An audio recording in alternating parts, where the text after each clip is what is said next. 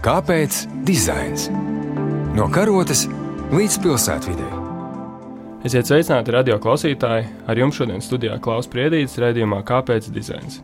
Šodien aplūkosim kādas mazāk pētītas un zināmas Latvijas dizaina vēstures lapas puses. Vienlaicīgi centīsimies tās saistīt arī ar dažādām mūsdienu aktuālām tēmām mākslā un kultūrā. Par pamatu, uz kura būvēt šīs dienas sarunu, esmu izvēlējies kādu notikumu, izstādi, kas savu atklāšanu piedzīvojis pavisam nesen, proti, pirms nedēļas. Tā ir izstāde ar nosaukumu Nesājama atmiņa un ķermeņa tehnikas ar Solomonu Levitānusu un Ļubu Monastīrsku. Izstāde līdz 29. decembrim būs apskatāma laikmatīgā mākslas centra Kim telpās, Un, lai mēs uzzinātu ko vairāk par šo notikumu un to, kā pagātnes kultūras mantojums, tā skaitā arī atmiņas mijas ar interpretācijām mākslā un dizainā, Šodien uz sarunu pie mums viesojas Laikmatīgā mākslas centra Kim direktore, arī viena no šīs izstādes kuratoriem - Zana Honskula.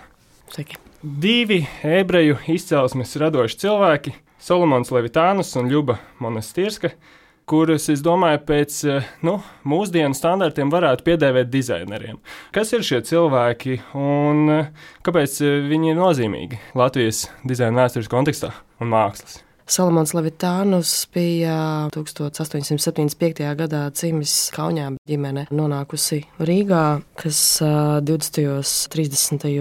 gados diezgan aktīvi darbojās kā drēbnieks, arī dizainers publicists, pats izdeva rakstu grāmatas vairākos seimos, tika tulkots dažādās valodās - latviešu, krievu, vācu, franču, lietuviešu. Arī savam laikam diezgan daudz ir izplatītas pat tā laika Eiropas teritorijām. Un savukārt Ļuba Monastirskajā ir Rīgā dzimusi attiecīgi pāris dekādus vēlāk. 96. gadā viņas ģimene ir no Ukrainas ebreju izcelsmes, bet pārcēlusies uz Rīgu gadsimta mijā, gadsimta sākumā pagājušā. Viņa ir iezīmīga ar to, ka viņa ir viena no retajām Rīgas izcelsmes Bauhaus studentēm. Bauhaus, protams, joprojām par svarīgāko atzīstamākā dizaina un mākslas skola, kas pirms pāris gadiem atzīmē savu simtsgadi, un, protams, tas arī mums bija tāds papildus impulss, kā pievērsties arī šai figūrai. Attiecībā par to nozīmīgumu, man liekas, tas ir tāds interesants jautājums. Līdz tam mūsu pētījuma uzsākšanai viņi vispār nav bijuši nozīmīgi, vai viņi ir nozīmīgi noslēdzot šo izstādi un arī šo pētījumu, teiksim, pirmo daļu. Tas, man liekas, arī tāds atvērts jautājums, protams, man kā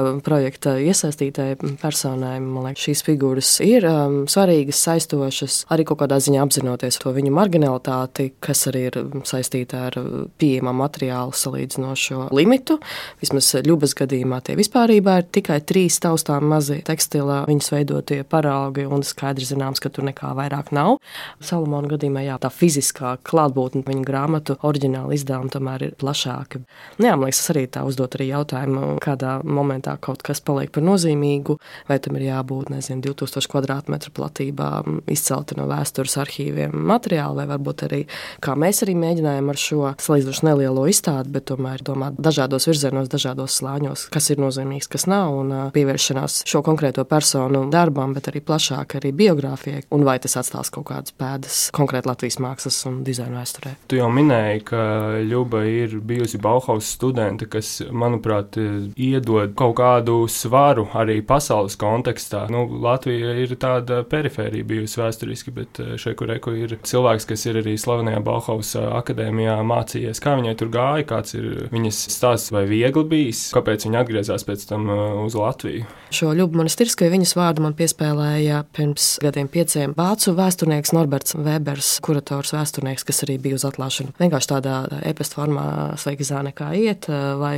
es kaut ko esmu uzgājis par šādu un tādu personu, vai ir kaut kas zināms. Tas varbūt man kaut kā tādā atmiņu folderī vai arī fiziskajā sistēmā tika piefiksēts, bet eh, tālāk var, varbūt tajā momentā netika attīstīts. Bet attiecībā uz Ļubu un eh, Bauhaus uzsākot to izpēti, arī kontekstā ar šo skolas simtsgadi un, protams, arī ar pēdējās desmitgadēs svarīgi aktualizēto aspektu kā uh, mītū movement vai kaut kādu sieviešu figūru izcelšanu, arī ir iznākušas dažādas grāmatas par Bauhaus mēdeles, uh, Bauhaus sievietēm un arī izstādes un dažādi citi veidi projekti, kas jā, varbūt tieši pievēršas šīm salīdzinoši krietni vairāk mazzināmajām sieviešu figūrām, studentēm. Un jā, Ļuba dažādās grāmatās figurē. Ļubas stāsts vairāk varbūt kaut kādas pieņēmumas spekulācijas vai kaut kāda mēģinājums aizpildīt kaut kādus baltos plankumus starp datiem, kas ir fiksēti un ko mēs arī ar Norbertu pieminētu esam uzgājuši arhīvos. Cik ir zināms, pirms vēl studijām Bauhaus viņa bija izteikusi vai rakstījusi vēstuli arī uz Uhtemas, uz Maskavu arī tur bija vēlme studēt, vai arī pat viņa tur ir aizdevusies uz kaut kādu īsu momentu.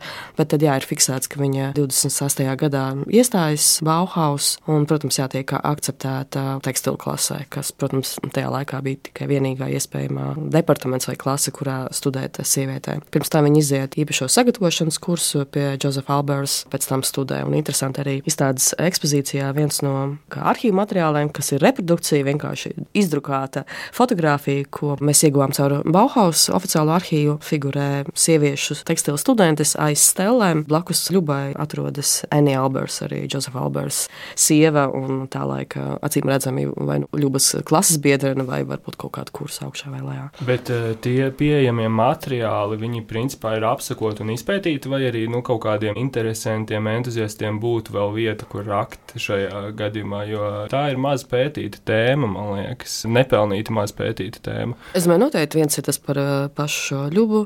Ir fiksēts tas, ka ģimenei piederēja māja jūrmalā, varbūt tur ir kādas aktivitātes, ko viņas citi radinieki ir darījuši, bet arī vispārībā par šiem rīdziniekiem vai no Latvijas nākušiem arī Bauhaus studentiem. Tā kā esmu fiksējusi divus, sakojot Ojāra Petersona izteikumiem, vismaz līdz četriem jābūt. Kā ar Solomonu? Levitānus, vai arī viņš darbojas starptautiski vai par Rīgu? Fiziski vairāk tā viņa darbība ir bijusi no Rīgas, bet man liekas, viņš ņemot vērā visas tās entās valodas, kādās viņš ir izdevis savus izdevumus, viņš ir diezgan, man liekas, ir bijis zināms, un, protams, tā arī spekulācija. Bet arī interesants tāds aspekts, kad gatavoties izstādē jau pēdējos sagatavošanās metrus, mēs iekļāvām arī izstādē interesantu eBay uzietu materiālu, kas ir certifikāts, ko viens franču jauns vīrietis topošais topošais modes mākslinieks vai drēbnieks. Viņš ieguva Francijā, eh, balstoties uz šo Salamāna Levitānusa metodu, un ko pats arī Levitānus ir parakstījis. Tas, man liekas, arī tāds interesants. Tā neplānoti, neplānoti atradumi arī droši Jā. vien izstādi plānojot, nemaz nebija gaidāms, ka būs šāds artefakts. Nu jā, tas šodien te varbūt uzreiz jāpiemina, lai tas nepaiet garām, ka, man liekas, jā, izstādē arī ir, ir oficiāli ne afišēts, bet jā, šajā laikā mēs tā sarunās to atklājam. Vienu izstādes līdzkuratoriem eh, Rikārda Mesnera ir eh, mazmazmeita Solomonam Levitānusam, un viņa bija tā, kas uzgāja šo eBay pieejamo savu vecvectēva parakstīto dokumentu. Kāpēc dizains? No karotes līdz pilsētvidē interesanti būtu noskaidrot, kā tapa tā izstāde un kāds ir tas sākotnējais impulss. Tu jau minēji, ka viena no kuratoriem ir arī radniecīgi saistīta ar vienu no šīm personām, kas eh, figurē kā galvenā šajā izstādē. Tad izstāde nesājumā atmiņa un ķermeņa tehnikas, kas eh, notiek ap šo izstādi. Tas mūsu fokus ir laikmatīgā māksla, arī jaunu darbu veidošana un uh, mākslinieku karjeru attīstīšana, bet tajā pašā laikā jā, kaut kā interesē, varbūt arī nosacīti, pārlūkoti, nekad pat nezināmi, nepietiekoši novērtēti, varbūt dažādi arhīva aspekti. Un otrs puses nāca pirms diviem gadiem e-pasts no Esteras Kajēmas, kas ir uh, trešā mūsu projekta autore un kuratora pētniece Rīgā dzimusi bāzēta Londonā, norisinājis iepazīstināšanu ar uh, šo Rikārdu. Nu jā, caur tādām tikšanām tikšanās, sarunām, personisko informācijas dalīšanos. Un, tad jā, mēs vienkārši uzsākām. Sākotnēji tas bija paralēli vienkārši izpēta par divām figūrām. Man vairāk bija fokus uz Ļubu, un Esteru un Rikārda vairāk par Salomonu. Un tad likās vienā momentā, ka tas ir, man liekas, interesants kombinācija saslēgt to kopā projektu. Jā, un kurā brīdī jūs izdomājāt piesaistīt māksliniekus, vai tas ir tāpēc, ka izstādes apjoms, artefaktu apjoms ir salīdzinoši neliels, un mums vajag vēl kaut kā aizpildīt to telpu, vai arī tā ir tāda mērķiecīga darbība, kur mēs piesaistam māksliniekus kā mūsdienu kaut kādu ideju nesējus un tad veidojam to dialogu. Es domāju, noteikti to nevar noliegt, ka, protams, tur tie pieejamie materiāli ir nelieli, bet uh, ar arhīvu arī var strādāt interesanti. Tas nebija obligāti tas uh, limitējošais, kāpēc mēs nefokusētos tikai ar kaut kādām reprodukcijām vai arhīvu materiāliem. Bet, protams, jā, tas arī, kā minēja, Kim kontekstā vienmēr ir interesanti kaut kā varbūt piepulcēt vēl grupu balsu, dalībnieku, mākslinieku, bet arī ne tikai, kas varētu kaut kādā veidā vai nu izvērst, komentēt iebilst tiešā vai pārnestā veidā, teiksim, to izstādes rāmi vai fokusu, ko mēs esam mēģinājuši vai piedāvājuši uzlikt jā, vai kaut kā noformulēt. Un kā māksliniekiem ir veicies ar šo uzdevumu, kāds ir eh, gala rezultāts? Nu jā, protams, domājot vienmēr par izstādi, tas nav nekāds bezgalīgs lielums, tas kā piesaistīts kaut kādai choreogrāfijai. Kim gadījumā tās ir uh, ne īpaši vieglas, bet, uh, man liekas, savā ziņā interesants. Dažādi izmēra telpas ar visādiem traucējušiem kolonu elementiem pa vidu. Un, protams, vienmēr par to arī tika domāts, kas ir pieejams budžeta ziņā, vai mēs gribam jaunus darbus, vai mēs gribam kaut kādu eksistējošu darbu, jaunu interpretāciju un instalāciju. Un, jā, bija liekas, tādas dažādas pieejas. Latviešu māksliniece Krista Dzudzilo tiešā veidā iedarbojās varbūt ar ļubas stāstu un pieejamo materiālu. Savukārt mākslinieku dizaineru modes duo Marija un Rols jā, nodevās izpētē arī bibliotekā, skatoties Solomona oriģinālu grāmatas piegrieznes un arī aktīvi dokumentējot un veicot savas piezīmes, balstoties to. Kāpēc dizains?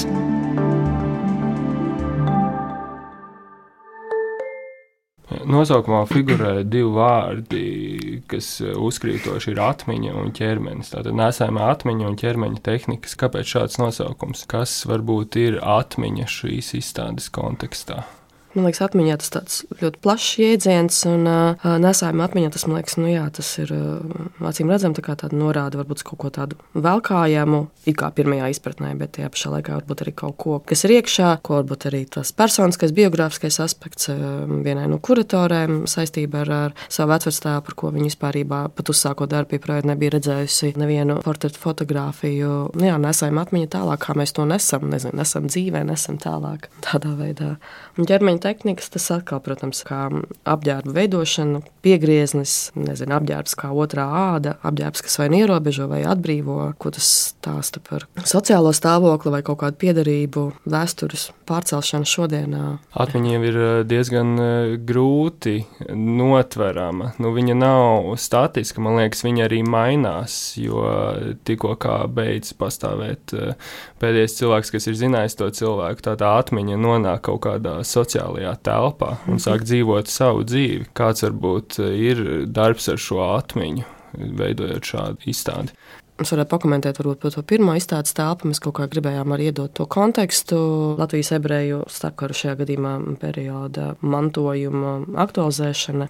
Ienākot izstādē, pirmais, ko skatītājs eh, satiekas, ir eh, starptautiski atzītā Ukraiņu Baltkrievu izcelsmes filmu režisoru Sergeja Lozņets. Eh, kaut kāda 11 minūšu filma, melnbalts, tāds tā kā kontemplatīvs, poētisks, no vienas puses vienkārši tāds fiksējums, skatījums uz vienu no Rīgas pleķīšiem nostūri Maskaču kā Latvijas priekšpilsētā, konkrēti Rīgas veco ebreju kapu iepriekšējā lokācijā, kas šobrīd ir parks ar nosaukumu Vecie ebreju kapi.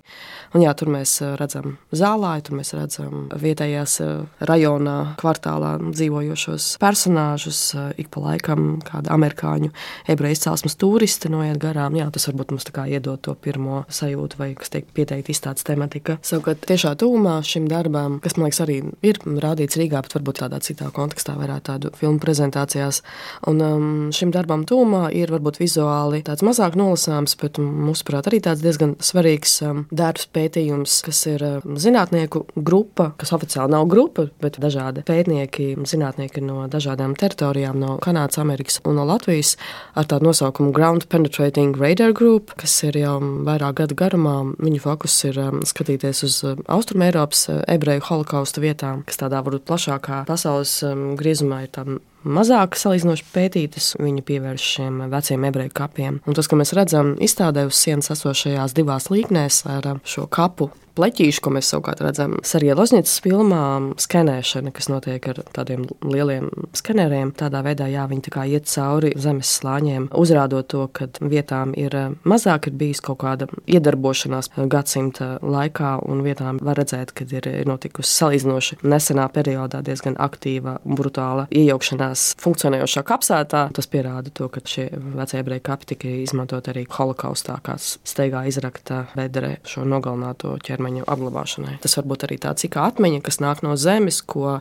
mēs kā zinām, bet uh, varbūt nav iespējams to tā pierādīt. Nu, jā, ar šo zinātnieku palīdzību arī kā, varbūt slānis pa slānim tā zeme tiek skanēta un tā atmiņa varbūt tiek no jauna atsakta. Un kaut ko jau mēs arī gribam aizmirst droši vien, jo izstādes aprakstā ir minēts, ka ir kolektīvā atmiņa un kolektīvā amnēzija. Kas šajā gadījumā tā kolektīvā amnēzija būtu? Viens ir tas zinātniskais aspekts un tehnoloģiju, kā nolasīt un kā skanēt zemi, bet otrs ir tas vienkārši jā, uzklausīt kaut kādu aculiecinieku vai pārstāstu par to, kas notika šajā konkrētajā periodā, šajā vietā. Un viena no personām, ar ko šie zinātnieku kolektīvs ir sazinājies un sadarbojies, ir joprojām dzīves kungs, pie simts gadiem, Mērģers Vestermans, kas 41. gadā bija pusaudzis, un viņam bija šis šaušalīgais uzdevums arī aprakt cilvēkus šajā vietā. Un izstādes manas kolēģis, līdzkurators Estera un Rikārda, jā, jau vairāk gadu garumā ir saziņā ar šo kungu un arī ir bijušas tikšanās. Man liekas, tā arī tā ļoti interesanti. Varētu būt tāds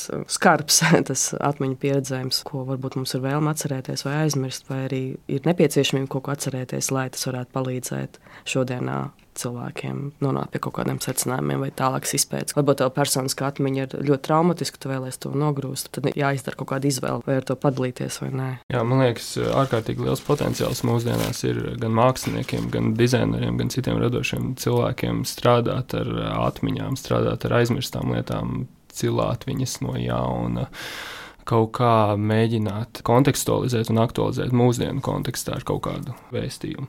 Noslēgumā varbūt varat pastāstīt, kādas vēl ir gaidāmas aktivitātes saistībā ar šo izstādi, jo izstāde diezgan ilgu laiku būs līdz 29. decembrim. Ko klausītāji var sagaidīt? Un kam sekot līdzi. Tā iet cauri varbūt par uh, māksliniekiem, kas nav pieminēts. Jā, vēl mums ir ļoti jauka Daigas Grantiņas instalācija, debesu paklājs. Šis jau ir iepriekš eksponēts darbs izstādēs Beļģijā un Ķīnā. Šajā gadījumā jā, tas ir adaptēts telpai, kas pēc būtības jā, ir tāds tā kā, raksts, musturs. Nezinu, mēs kaut kā varam domāt asociāciju ar puzuru. Uh, Latvijas arī tagad nāk Ziemassvētki nosacīt kaut kādā ziņā tematiski. Šis darbs nav bijis kaut kā tiešā veidā reakcija uz abām figūrām vai varbūt pat tēmām formām, bet nu, jā, tas varbūt vairāk tā iegūst mākslinieces praksē un interesējā par ķermeni, par um, dažādām formām, um, pozitīvo, negatīvo. Tad vēl mūsu izstādē ir um, viena atsevišķa telpa veltīta vācu itāļu māksliniecei Alba Durbāno, un šobrīd um, šī ekspozīcija ir tikai sākuma momentā. Un 25. novembrī notiks ekspozīcijas aktivizēšana. Ieradīsies māksliniece un arī telpā parādīsies šuvēja. Pakomentēt šo pašu instalāciju. Tas nosaukums ir Hautnach, kas ir vāciski. Latvijas varētu būt ādai pieguļošs vai ķermenim pieguļošs. Tā ir instalācija, ko māksliniece sāka 90. gadu vidū, 95. gadā. Tajā laikā man liekas tā ļoti interesanti, kā no vienas puses ir pievēršanās tehnoloģijām, kodēšanas, vairāk ienešana tādā arī plašākā sabiedrības lietošanā.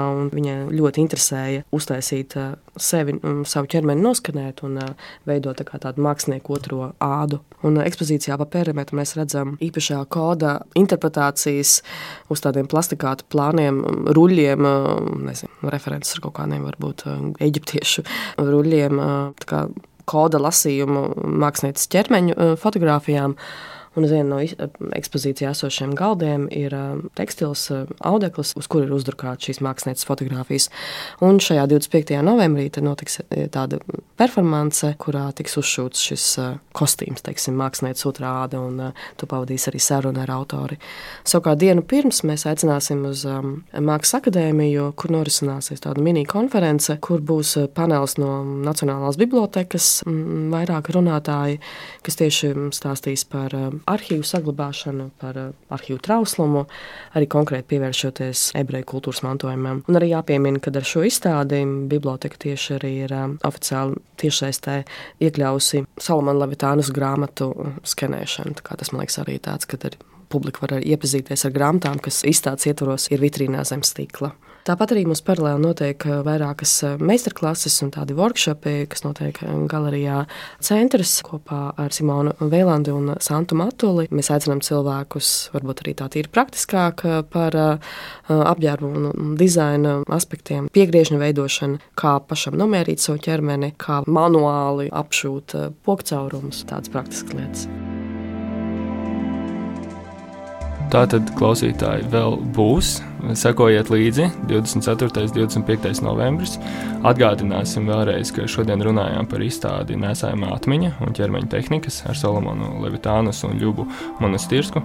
Izstādi līdz 29. decembrim iespējams apmeklēt laikmatīgā mākslas centra Kim telpās Rīgā Sporta ielā 2. Šīs dienas raidījums eh, nu, būs izskanējis. Paldies eh, šī raidījuma iesai par interesantu sarunu. Paldies, radio klausītāji, ka šodien bijāt kopā ar mums.